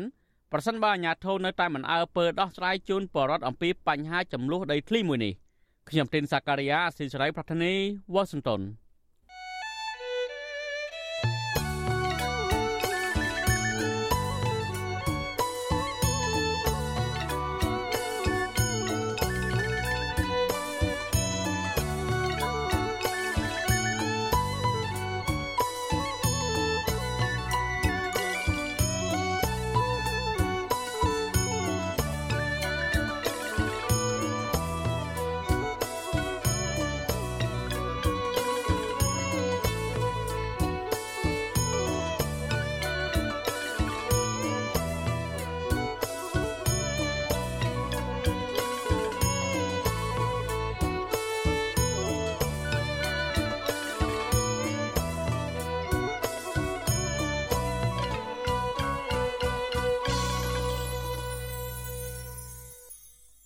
លោកអ្នកនាងកំពុងស្ដាប់ការផ្សាយរបស់ Vuthu Azizi Serai ពីរដ្ឋធានី Washington នៃសហរដ្ឋអាមេរិកតំណាងសហគមន៍ខ្មែរនិងមន្ត្រីគណៈបកប្រឆាំងគាំទ្រសមាជិកសភាសហព័ន្ធអូស្ត្រាលី ដែលបានស្នើសុំឲ្យរដ្ឋាភិបាលអូស្ត្រាលីបិទទិដ្ឋាការឬមួយក៏វីសាមិនឲ្យមន្ត្រីជាន់ខ្ពស់រដ្ឋាភិបាលលោកហ៊ុនសែនគឺលោកកឹមសន្តិភាពនិងក្មួយប្រុសរបស់លោកហ៊ុនសែនគឺលោកហ៊ុនតូចូលទៅក្នុងប្រទេសអូស្ត្រាលីតទៅទៀតពួកគាត់ចាត់ទុកថា ការលើកឡើងរបស់តំណាងរាស្ត្រអូស្ត្រាលីដែលថាក្រុមមន្ត្រីរបស់រដ្ឋាភិបាលលោកហ៊ុនសែនកំពុងតែជ្រៀតជ្រែកចូលក្នុងប្រទេសអូស្ត្រាលីដើម្បីតាមធ្វើទុកបុកម្នេញយាយីនិងបំផិតបំភ័យលើប្រជាពលរដ្ឋខ្មែរមិនឲ្យនិយាយរិះគន់របបដឹកនាំបែបផ្ដាច់ការរបស់ខ្លួននោះគឺឆ្លោះបញ្ចាំងអំពីការពិតបាទសូមលោកអ្នកនាងស្ដាប់សេចក្តីរាយការណ៍នេះពឺស្ដារបស់លោកមានរិទ្ធដូចតទៅតំណាងសមាគមខ្មែរនិងមន្ត្រីបពប្រឆាំង លើកឡើងថានេះជាជោគជ័យមួយសម្រាប់ពលរដ្ឋខ្មែររងគ្រោះបន្ទាប់ពីសមាជិកសភាសហព័ន្ធអូស្ត្រាលី មកពីគណៈបកពលករដែលកំពុងដឹកនាំរដ្ឋាភិបាលអូស្ត្រាលី បានចេញមុខទាមទារឲ្យរដ្ឋាភិបាលអូស្ត្រាលីហាម5ការធ្វើដំណើរចូលប្រទេសអូស្ត្រាលី របស់មន្ត្រីជាន់ខ្ពស់រដ្ឋាភិបាលកម្ពុជាមួយរូបគឺលោកកឹមសន្តិភាពនិងអ្នកជំនួញមួយរូបដែលត្រូវជាក្មួយប្រុសរបស់លោកហ៊ុនសាន គឺអង្គញាហ៊ុនតូ ប្រធានសមាគមខ្មែររដ្ឋវិចតូរីយ៉ាលោកជាយូហុនថ្លែងថាការលើកឡើងរបស់លោក Julian Hill ជាតំណាងរាស្ត្រប្រចាំតំបន់ Bruce ជាទីមានពលរដ្ឋដើមកំណើតខ្មែរអូស្ត្រាលីបានមកតាំងទីលំនៅច្រើនជាងគេនោះគឺជារឿងត្រឹមត្រូវព្រោះតំណាងរាស្ត្ររូបនេះបានតាមដានយ៉ាងដិតដល់អំពីក្រមមន្ត្រីរដ្ឋាភិបាលលោកហ៊ុនសែនមានដូចជាលោកកឹមសន្តិភាពជាដើម ដែលបានមកធ្វើសកម្មភាពគំរាមកំហែងនិងបំបាយបំបាក់សហគមន៍ខ្មែរនៅអូស្ត្រាលី លោកបញ្ជាក់ថារូបលោកផ្ទាល់ក៏ធ្លាប់ទទួលរងនឹងការគំរាមសម្លាប់ដែរក្រោយចូលរួមដឹកនាំបាតកម្មប្រឆាំងវត្តមានរបស់លោកហ៊ុនសែននៅទីក្រុងស៊ីដនីកាលពីឆ្នាំ2018ហើយកាលនោះប៉ូលីសអូស្ត្រាលីបានបើកការស៊ើបអង្កេតនិងបានទៅសួរនាំលោកហ៊ុនតូដល់ផ្ទះជុំវិញករណីគំរាមសម្លាប់នេះដែរ នៅប្រទេសនេះគឺជាប្រទេសលទ្ធិប្រជាធិបតេយ្យយើងធ្វើអីធ្វើទៅយើងចង់បង្កើតអីបង្កើតទៅអត់អីទេក៏ប៉ុន្តែជៀសវាងកុំមកជន់ឈ្លីទៅលើសិទ្ធិសេរីភាពហើយនិងសន្តិសុខរបស់បុគ្គលណាម្នាក់បើកាលណាមកហ៊ានធ្វើរបៀបនេះគឺគេនឹងប្រែច្បាប់ហើយបាទគួរណាស់ប្រទេសនេះគឺថាតែនេះគេប្រែច្បាប់ហើយការលើកឡើងរបស់តំណាងសហគមន៍ខ្មែរនេះគឺបន្ទាប់ពីតំណាងរាស្ត្រអូស្ត្រាលី លោក Julian Hill បានថ្លែងនៅក្នុងរដ្ឋសភាសហព័ន្ធអូស្ត្រាលី កាលពីប្រលប់ថ្ងៃទី7ខែមីនាពាក់ព័ន្ធនឹងយុទ្ធនាការជ្រៀតជ្រែករបស់រដ្ឋាភិបាលលោកហ៊ុនសែនដែលបានដាក់គោលដៅតាមធ្វើទុកបុកម្នេញតាមយាយីនិងបំផិតបំភ័យដល់ពលរដ្ឋខ្មែរនៅលើទឹកដីអូស្ត្រាលី ក្នុងគោលដៅដើម្បីបំបិតសម្លេងរិះគន់ទៅលើរបបដឹកនាំរបស់លោក ឬអ្នកណាដែលលើកឡើងពីបញ្ហាប្រជាធិបតេយ្យនិងសិទ្ធិមនុស្ស លោក Julian Hill លើកឡើងថាកាលពីឆ្នាំ2018ក្នុងពេលបំពេញទស្សនកិច្ចនៅទីក្រុង Sydney លោកហ៊ុនសែនបានគម្រាមតាមវាយពលរដ្ឋខ្មែរនៅអូស្ត្រាលីដល់ផ្ទះប៉ះសិនបើពួកគេហ៊ានធ្វើបាតកម្មដុតទីងមុងរូបលោកមួយខែក្រោយមកតំណាងសហគមន៍ខ្មែរល្បីៗនិងជាអ្នកដឹកនាំធ្វើបាតកម្មរួមមានដូចជាលោកជាយូហុនលោកហុងលឹមលោកតាក់មេងហៀងនិងភរិយាបណ្ឌិតកែមលី គឺលោកស្រីប៊ូរចនា បានទទួលលិខិតគម្រាមសម្លាប់តែម្ដងលោក Julian Hill បន្តថាលិខិតគម្រាមសម្លាប់នេះត្រូវបានគេរាយការណ៍ថាមានប្រភពចេញពីមនុស្សម្នាក់ដែលជាសមាជិកគ្រួសាររបស់លោកហ៊ុនសែនទីបំផុតក្មួយប្រុសរបស់លោកហ៊ុនសែនគឺលោកហ៊ុនតូត្រូវបានប៉ូលីសអូស្ត្រាលីចុះទៅសួរនាំអំពីការគំរាមសម្លាប់នេះលើសពីនេះទៀតកាលពីឆ្នាំ2003លោក Julian Hill ថាលោកហ៊ុនតូគួរតែត្រូវបានប៉ូលីសអូស្ត្រាលីចាប់ខ្លួនម្ដងហើយ ពាក់ព័ន្ធទៅនឹងការដឹកគ្រឿងញៀនហេរ៉ូអ៊ីនចូលក្នុងប្រទេសអូស្ត្រាលី ដោយបង្កប់ក្នុងឈើតំណាងរាជអូស្ត្រាលីរូបនេះលើកឡើងទៀតថាលោកហ៊ុនតូនិងប្រពន្ធរបស់លោកគឺអ្នកស្រីថៃចេគី មានទ្រព្យសម្បត្តិរាប់លានដុល្លារនៅក្នុងប្រទេសអូស្ត្រាលីដោយគ្មានការពន្យល់ស្របច្បាប់ណាមួយ ថាទ្រព្យសម្បត្តិទាំងនោះមានប្រភពមកពីណាក៏ប៉ុន្តែលោក Julian Hill ប្រាប់ប្រធានសភាអូស្ត្រាលីថាគ្មានអ្វីអាចលាក់បាំងបានឡើយ ព្រោះលោកហ៊ុនតូ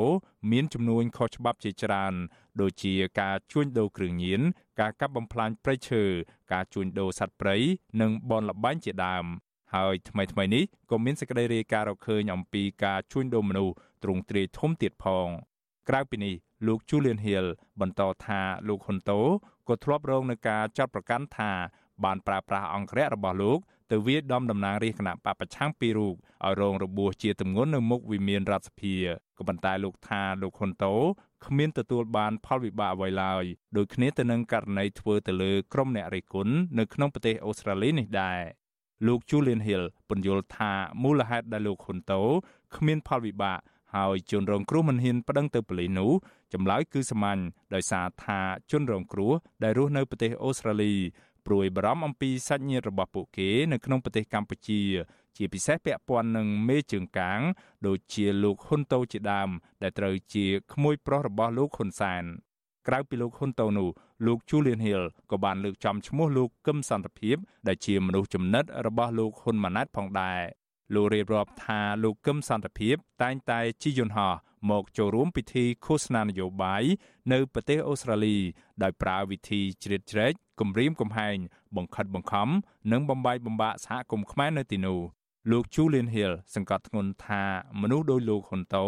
និងលោកកឹមសន្តិភាពនេះរដ្ឋាភិបាលអូស្ត្រាលី គួរតែបញ្ឈប់ផ្ដល់ទឹកធការឬវីសាកុំឲ្យពួកគេ អាចមកជន់ទឹកដីអូស្ត្រាលីតទៅទៀតបាន លោកថារដ្ឋាភិបាលអូស្ត្រាលីគួរតែធ្វើនៅអ្វីដែលអាចធ្វើបានដើម្បីដោះស្រាយបណ្ដាញជ្រៀតជ្រែកបរទេសឬអង្គការសមាគមคล้ายៗជាច្រើនដែលគ្រប់គ្រងដោយស្ថានទូតកម្ពុជា And so when Cambodians in Australia criticize Hun Sen or his government ជាទូទៅពលរដ្ឋកម្ពុជាដែលរិះគន់លោកហ៊ុនសែនជាសាធារណៈនិងអ្នកចូលរួមជាមួយនឹងគណៈបកប្រឆាំងឬអ្នកដែលគេបង្ខំឲ្យទៅចូលរួមពិធីឃោសនាឲ្យគណៈបកប្រជាជនកម្ពុជាដែលរៀបចំនៅអូស្ត្រាលីលោកហ៊ុនសែន មិនចាំបាច់ទៅរករឿងពួកគេនៅទីនេះទេប៉ុន្តែលោកហ៊ុនសែនទៅរករឿងគ្រួសារពួកគេនៅឯស្រុកខ្មែរវាជាយុទ្ធសាស្ត្រគួរឲ្យព្រួយបារម្ភមែនទែនជាក់ស្ដែងកាលពីខែមករាដើមឆ្នាំនេះក្រមមន្ត្រីគណៈបកប្រជាជនកម្ពុជា ដឹកនាំដោយលោកកឹមសន្តិភាព បានធ្វើដំណើរមកអូស្ត្រាលី ដើម្បីប្រពខួបជ័យជំនះ7មករាលោកកឹមសន្តិភាព គឺជាអ្នកនាំពាក្យក្រសួងយុទ្ធភ័ពដែលមានឈ្មោះល្បីថា ជាក្រសួងអយុធធរ ប៉ុន្តែអ្វីដែលជាថ្ងៃឈប់សម្រាកនេះត្រូវបានគេយកទៅធ្វើជាព្រឹត្តិការណ៍ឃោសនានយោបាយរបស់លោកហ៊ុនសែននិងរបបជើងកាងរបស់លោកករណីនេះគឺជាក់ស្ដែងតែម្ដងសម្រាប់ការរៀបចំព្រឹត្តិការណ៍បែបនេះនៅអូស្ត្រាលីវាគឺជាផ្នែកមួយនៃការឃោសនារបស់គណៈបកប្រជាជនកម្ពុជា នៅគ្រប់ទីក្រុងទាំងអស់ខ្ញុំស្គាល់ពលរដ្ឋមួយចំនួន ជាពលរដ្ឋសញ្ជាតិអូស្ត្រាលីដើមកំណត់ខ្មែរ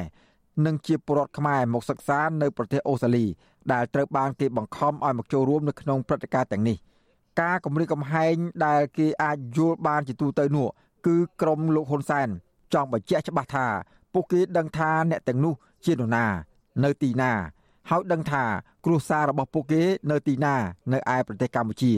ក្រៅពីនេះក៏នៅមានការជ្រៀតជ្រែកនៅតាមវត្តអារាម ដូចជាការបោះឆ្នោតជ្រើសរើសគណៈកម្មការវត្តឬការរៀបចំពិធីសពរសធរคล้ายคล้ายដើម្បីប្រមូលថវិកានៅអូស្ត្រាលីនេះទៀតផង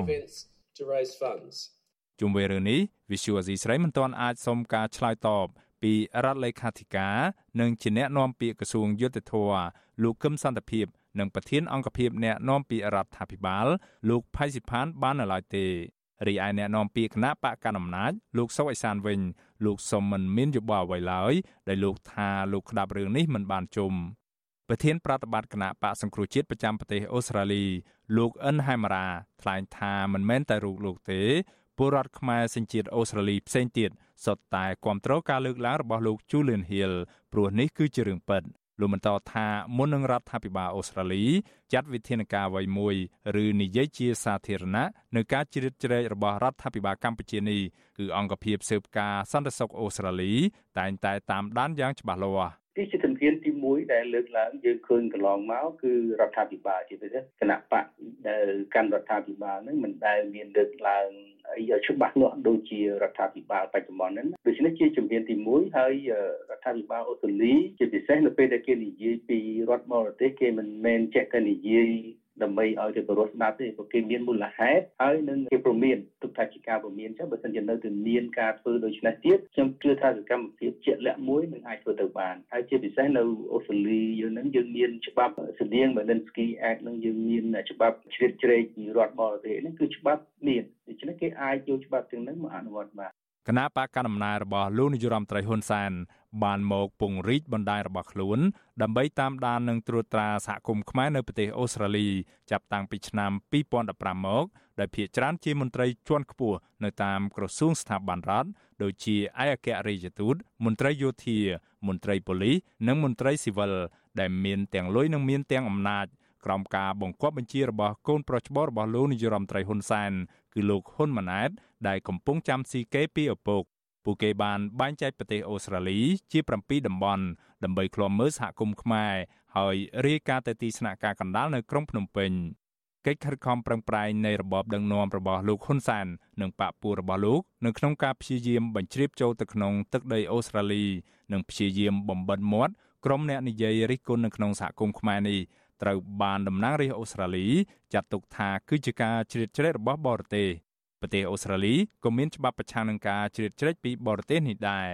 កាលពីខែកុម្ភៈកន្លងទៅថ្មីថ្មីនេះរដ្ឋមន្ត្រីក្រសួងមហាផ្ទៃនិងជារដ្ឋមន្ត្រីក្រសួងសន្តិសុខអ៊ីនធឺណិតរបស់ប្រទេសអូស្ត្រាលីអ្នកស្រី Claire O'Neil បានប្រមានថានឹងមិនលើកលែងដល់យុទ្ធនាការជ្រៀតជ្រែករបស់បរទេសក្នុងនោះរួមមានទាំងកម្ពុជាផង ដែលបានដាក់គោលដៅតាមធ្វើទុកបុកម្នេញតាមយាយីនិងបំផិតបំភ័យដល់ពលរដ្ឋខ្លួន នៅលើទឹកដីអូស្ត្រាលី អ្នកស្រីបញ្ជាក់ថារដ្ឋាភិបាលអូស្ត្រាលី និងភ្នាក់ងារសន្តិសុខអូស្ត្រាលី កំពុងឃ្លាំមើលបញ្ហានេះយ៉ាងយកចិត្តទុកដាក់ហើយរដ្ឋាភិបាលអូស្ត្រាលីនឹងចាត់វិធានការដើម្បីការពារជនជាតិអូស្ត្រាលី និងសិទ្ធិប្រជាធិបតេយ្យរបស់ពួកគេខ្ញុំបាទមេរិត Visual Asia ស្រីពីរដ្ឋធានី Washington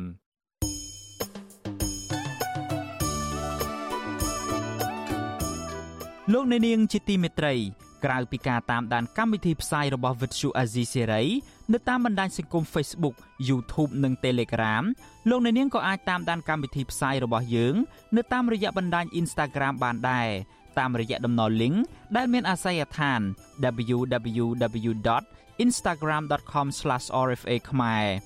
អាស៊ីសេរីបន្តខិតខំផ្សព្វផ្សាយព័ត៌មានពិតទៅកាន់បងប្អូនតាមរយៈបណ្ដាញសង្គមផ្សេងផ្សេងនិងសម្បូរបែប ដើម្បីឲ្យលោកអ្នកនាងងាយស្រួលតាមដានកម្មវិធីផ្សាយរបស់អាស៊ីសេរីគ្រប់ពេលវេលា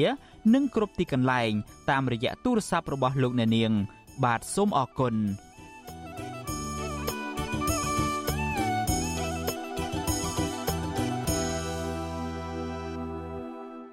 បាទលោកអ្នកនាងជាទីមេត្រីយើងងាកទៅចាប់អារម្មណ៍ទៅនឹងបញ្ហាសុខទុក្ខរបស់ប្រជាពលរដ្ឋដែលកំពុងផ្ទុកមេរោគអេដនៅឃុំរកាខេត្តបាត់ដំបងឯណោះវិញ ពួកគាត់អូនត្អែអំពីបញ្ហាខ្វះខាតជីវភាព និងការឧបត្ថម្ភគ្រប់គ្រងពីអាជ្ញាធរឬក៏អង្គការនានាស្របពេលដែលសុខភាពរបស់ពួកគាត់កាន់តែចុះទន់ខ្សោយជាលំដាប់ក្រោយពីឆ្លងមេរោគអេដដោយសារតែការធ្វេសប្រហែសរបស់គ្រូពេទ្យម្នាក់អស់រយៈពេលជាង8ឆ្នាំមកនេះបាទមន្ត្រីអង្គការសង្គមស៊ីវិលជំរុញឲ្យអាជ្ញាធរមូលដ្ឋាន និងក្រសួងពាក់ព័ន្ធយកចិត្តទុកដាក់ជួយដល់ប្រជាពលរដ្ឋទាំងនោះដោយគិតគូរទៅលើតម្រូវការសុខភាពផ្លូវកាយផ្លូវចិត្ត និងតម្រូវការជីវភាពរបស់ពួកគាត់បាទសូមលោកអ្នកនាងស្ដាប់សេចក្តីរាយការណ៍មួយទៀតរបស់អ្នកស្រីសុជីវីអំពីរឿងនេះដូចតទៅបន្ទាប់ពីទទួលរងការឈឺចាប់ដោយសារឆ្លងជំងឺអេដនិងការរើសអើងពីអ្នកភូមិមកពេលនេះប្រជាពលរដ្ឋដែលផ្ទុកមេរោគអេដនៅឃុំរកាស្រុកសង្កែខេត្តបាត់ដំបង បានតាំងចិត្តជំនះជំងឺនៅក្នុងខ្លួន ដើម្បីតស៊ូរស់តទៅទៀតក៏ប៉ុន្តែការវិវត្តនៃជំងឺដ៏កាចសាហាវមួយនេះ បានធ្វើឲ្យសុខភាពរបស់ពួកគាត់ធ្លាក់ចុះខ្សោយដែលបណ្ដាលឲ្យពួកគេប្រឈមបញ្ហាខ្វះខាតផ្នែកជីវភាពពលរដ្ឋឆ្លងជំងឺអេដនៅភូមិរកាលោកគូម៉ៅអាយុ80ឆ្នាំរៀបរាប់ថាលោកមានសមាជិកគ្រួសារ2នាក់បានឆ្លងមេរោគអេដរួមមានខ្លួនលោកផ្ទាល់និងចៅស្រីអាយុ18ឆ្នាំម្នាក់លោកបន្តថាដោយសារតែភាពចាស់ជរា និងមានជំងឺរបេងផងនោះលោកមិនអាចធ្វើការងារ ឬដើរហើរបានឡើយដោយត្រូវសម្រាកនៅនឹងកន្លែងនិងត្រូវពឹងផ្អែកលើកូនចៅទាំងស្រុងក្នុងការចិញ្ចឹមមើលថែវាលួចទន់ខ្លោចជាងមុនវាទន់ថ្ងៃណានេះគឺក៏បានស្រួលតិចទៅថ្ងៃណាមស្រួលនៅតែនឹងរឹងនឹងនៅឆ្នាំគេឲ្យមកកំណត់គេមួយខែកាលពីចុងឆ្នាំ2014ពលរដ្ឋនៅភូមិរកា ភូមិថ្ងៃអំបែងនិងភូមិតាហានមួយស្ថិតនៅក្នុងឃុំរកាមានចំនួនជាង2000នាក់បានសម្រុកទៅពិនិត្យរោគមេរោគអេដហើយក្នុងចំណោមពួកគេនោះមានពលរដ្ឋចំនួន325នាក់ក្នុងនោះមានក្មេងចំនួន68នាក់បានរកឃើញថាមានផ្ទុកមេរោគអេដការឆ្លងជំងឺដល់ចម្លែកនេះត្រូវបានប្រជាពលរដ្ឋកំណត់ថាដោយសារតែការប្រើប្រាស់មជ្ឈុលរួមគ្នា បន្ទាប់ពីបរិះម្នាក់ជាគ្រូពេទ្យឯកជនប្រចាំភូមិ ឈ្មោះញ៉ែមជ្រិនដែលបានដើរព្យាបាលជំងឺឲ្យអ្នកភូមិតាមផ្ទះដោយប្រើប្រាស់មជ្ឈុលនិងសារ៉ាងដែលប្រើជាមួយអ្នកផ្ទុកមេរោគអេដរួចមកអ្នកភូមិដែលបានឆ្លងជំងឺអេដនោះមានទាំងស្រីទាំងប្រុសក្មេងចាស់អាចារ្យវត្តរួមនឹងព្រះសង្ឃដែលដំណឹងនៃការឆ្លងជំងឺអេដនេះបានផ្ទុះក៏ក្រើកឡើងក្រោយពីការពិនិត្យរោគមេរោគអេដរបស់លោកគូម៉ៅនៅមណ្ឌលសុខភាពឃុំរកា លទ្ធផលវិជ្ជមានផ្ទុកមេរោគអេដរបស់លោកគូម៉ៅបានធ្វើឲ្យអ្នកស្រុកមានការសង្ស័យតតគ្នានិងបានសម្រុកទៅធ្វើតេស្តឈាមរហូតបានដាក់ការសង្ស័យពីមូលហេតុនៃការឆ្លងមេរោគនេះទៅលើពេទ្យប្រចាំភូមិអ្នកមានមេរោគអេដនៅភូមិរកាម្នាក់ទៀតគឺលោកស្រីវ័យវ័នមានអាយុ45ឆ្នាំប្រាប់វិទ្យុអាស៊ីសេរីថាគ្រួសាររបស់លោកស្រីកំពុងប្រឈមនឹងជីវភាពលំបាក ព្រោះសុខភាពលោកស្រីកាន់តែចុះខ្សោយជាពិសេសនៅពេលទទួលទានអាហារមិនបានគ្រប់គ្រាន់និងធ្វើការលើសកម្លាំងដែលនាំឲ្យមានប្រតិកម្មថ្នាំកើតឡើងលោកស្រីបញ្ជាក់ថាបច្ចុប្បន្ននេះលោកស្រីប្រកបរបរកើបលាមកសัตว์ធ្វើជីលក់ឲ្យអ្នកស្រុកដោះស្រាយបញ្ហាជីវភាពហើយលោកស្រីមិនអាចធ្វើចំណាក់ស្រុកដើម្បីទៅធ្វើការឆ្ងាយពីផ្ទះបានឡើយព្រោះលោកស្រីត្រូវទៅទទួលយកថ្នាំប្រឆាំងជំងឺអេដជារៀងរាល់មួយខែម្ដង។ ចងៃធ្វើការងារអីធម្មតាវាធ្វើទុកខ្លះតែយើងអត់យើងទៅតែបដូរហ្នឹងឯងបើយើងជាតរន្តរាតាមនឹងដែរយើងអត់មានអីហូបអញ្ចឹងខ្ញុំសំណូមពរឲ្យរាជរដ្ឋាភិបាលឬក៏បងប្អូនអានិកជននៅក្រៅប្រទេសអីហ្នឹងសូមមានអំណោយអីបន្តិចបន្តួចកុំឲ្យអ្នកមានរោគយូរទៅដូចណាយឆ្ងាត់ជឹងដូចទុកចោលឆ្ងាត់ប្រជាពលរដ្ឋអ្នកឆ្លងមេរោគអេដអះអាងដូចដូចគ្នាថាតាមលទ្ធផលធ្វើតេស្តឈាមក្នុងចំណោមពួកគេកាលពីឆ្នាំ2014 មានអ្នកខ្លះបានឆ្លងមេរោគអេដតាំងពី3ឆ្នាំមុនមកម្ល៉េះពួកគេលើកឡើងថាមុនការបែកធ្លាយពីករណីឆ្លងមេរោគនេះមានប្រជាពលរដ្ឋជាច្រើនអ្នកបានស្លាប់ដោយមានអាការៈស្គមស្គាំងពួកគេសន្និដ្ឋានថាមេរោគអេដបានឆ្លងចូលទៅក្នុងឃុំរកានេះតាំងពីមុនឆ្នាំ2014មកម្ល៉េះប៉ុន្តែអ្នកភូមិមិនបានចាប់អារម្មណ៍ពលរដ្ឋមានផ្ទុកមេរោគអេដម្នាក់ទៀតនៅឃុំរកាលោកស្រីរុនសាវឿនប្រាប់វិទ្យុអាស៊ីសេរីឲ្យដឹងថា ចាប់តាំងពីផ្ទុកមេរោគអេដជាង8ឆ្នាំមកនេះជីវភាពគ្រួសារនិងសុខភាពរបស់លោកស្រី មានភាពយ៉ាប់យ៉ឺនជាងមុនដោយសារតែការប្រើប្រាស់ថ្នាំប្រឆាំងមេរោគនេះមានប្រតិកម្មខ្លាំងដែលតម្រូវឲ្យលោកស្រី បរិភោគអាហារឲ្យបានគ្រប់គ្រាន់ដែលកត្តានេះបានក្លាយជាបន្ទុកសម្រាប់គ្រួសារលោកស្រី លោកស្រីបន្តថាបច្ចុប្បន្នពុំសូវមានសប្បុរសជន ឬអាជ្ញាធរផ្ដល់ជំនួយឧបត្ថម្ភជាស្បៀងអាហារ ឬថវិកាដល់អ្នកផ្ទុកមេរោគអេដដោយកាលពីពេលមុននោះទេសុខភាពជួនកាលយើងហូបអត់គ្រប់គ្រាន់វារៀងធ្វើទុកដែរអញ្ចឹងដែលយើងធ្វើការនៅវត្តអញ្ចឹងបើយើងធ្វើអត់សូវមានការងារធ្វើអញ្ចឹងយើងហូបស្អាតស្អាតអញ្ចឹងអត់ធ្វើទុកយើងទេ ក្នុងអំឡុងពេលឆ្លងដំបូងពលរដ្ឋដែលឆ្លងមេរោគអេដទទួលបានជំនួយពីអង្គការនិងអាជ្ញាធរជាបន្តបន្ទាប់តែក្រោយមកជំនួយទាំងអស់នោះក៏បានស្ងាត់ទៅវិញដោយទុកឲ្យពលរដ្ឋអ្នកផ្ទុកមេរោគអេដទាំងនោះ តស៊ូចិញ្ចឹមជីវិតដោយមនុស្សធម្មតាទូទៅដែរជាមួយគ្នានេះដោយសារតែការវិវត្តនៃជំងឺកាន់តែធ្ងន់ធ្ងរទៅធ្ងន់ធ្ងរទៅ បានធ្វើឲ្យអ្នកផ្ទុកមេរោគអេដមួយចំនួន បាក់ទឹកចិត្តខ្លះធ្លាក់ខ្លួនឈឺនិងមានជីវភាពកាន់តែលំបាកក្នុងនោះមានអ្នកខ្លះបង្ខំចិត្តចំណាក់ស្រុករកការងារធ្វើនៅប្រទេសថៃដែលធ្វើឲ្យពួកគេខកខានទទួលបានថ្នាំប្រឆាំងជំងឺអេដនិងបណ្ដាលឲ្យពួកគេធ្លាក់ខ្លួនឈឺយ៉ាងឆាប់រហ័ស បច្ចុប្បន្ននេះចំនួនអ្នកស្លាប់ដោយសារតែកង្វះសេវាសុខាភិបាលនៅក្នុងមូលដ្ឋាន និងកំហុសរបស់គ្រូពេទ្យដែលខ្វះវិជ្ជាជីវៈនេះបានកើនឡើងដល់57នាក់ហើយដែលភាគច្រើនជាមនុស្សចាស់និងកូនក្មេងតកតនៅរឿងនេះសាលក្រមតុលាការកំពូលកាលពីឆ្នាំ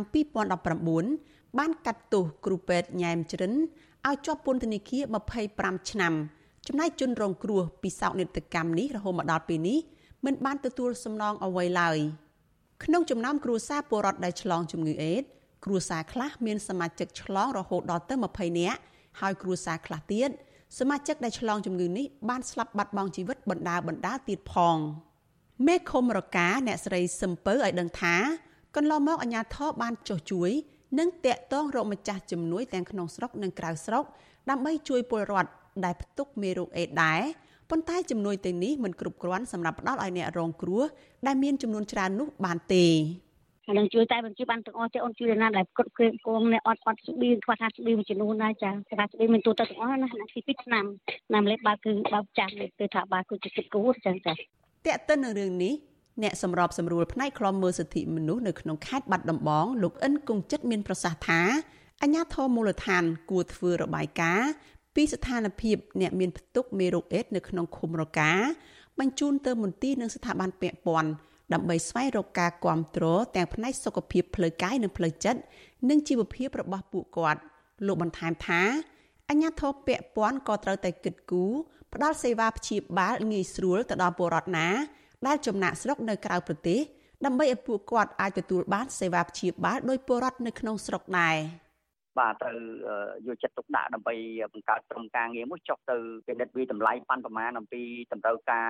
ពួកគាត់ទាំងតម្រូវការផ្នែកសុខភាពទាំងតម្រូវការផ្នែកស្បៀងអាហារហ្នឹងដើម្បីជួយពួកគាត់ឲ្យគាត់មានសេចក្តីសង្ឃឹមឲ្យគាត់មានជំនឿទុកចិត្តឡើងវិញណារបាយការណ៍របស់មជ្ឈមណ្ឌលជាតិប្រយុទ្ធនឹងជំងឺអេដនិងសើស្បែកនិងកាមរោគឆ្នាំ2022ឲ្យដឹងថា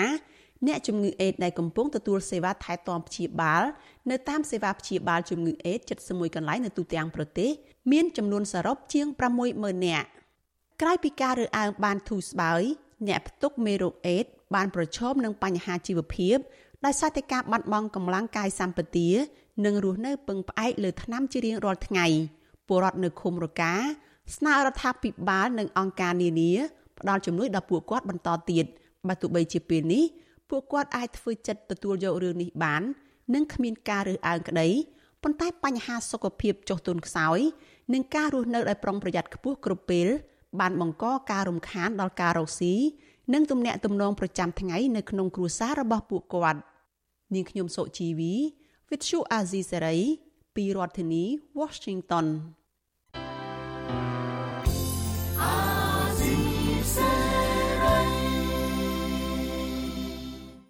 លោកអ្នកនាងជាទីមេត្រីការផ្សាយរយៈពេល1ម៉ោងរបស់ Vuthu Azizi Serai នៅព្រឹកនេះចប់ត្រឹមតែប៉ុណ្ណេះ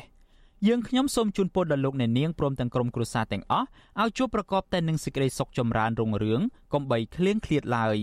ខ្ញុំបាទយ៉ងច័ន្ទដារាព្រមទាំងក្រុមការងារទាំងអស់នៃ Vuthu Azizi Serai សូមអរគុណនិងសូមជម្រាបលា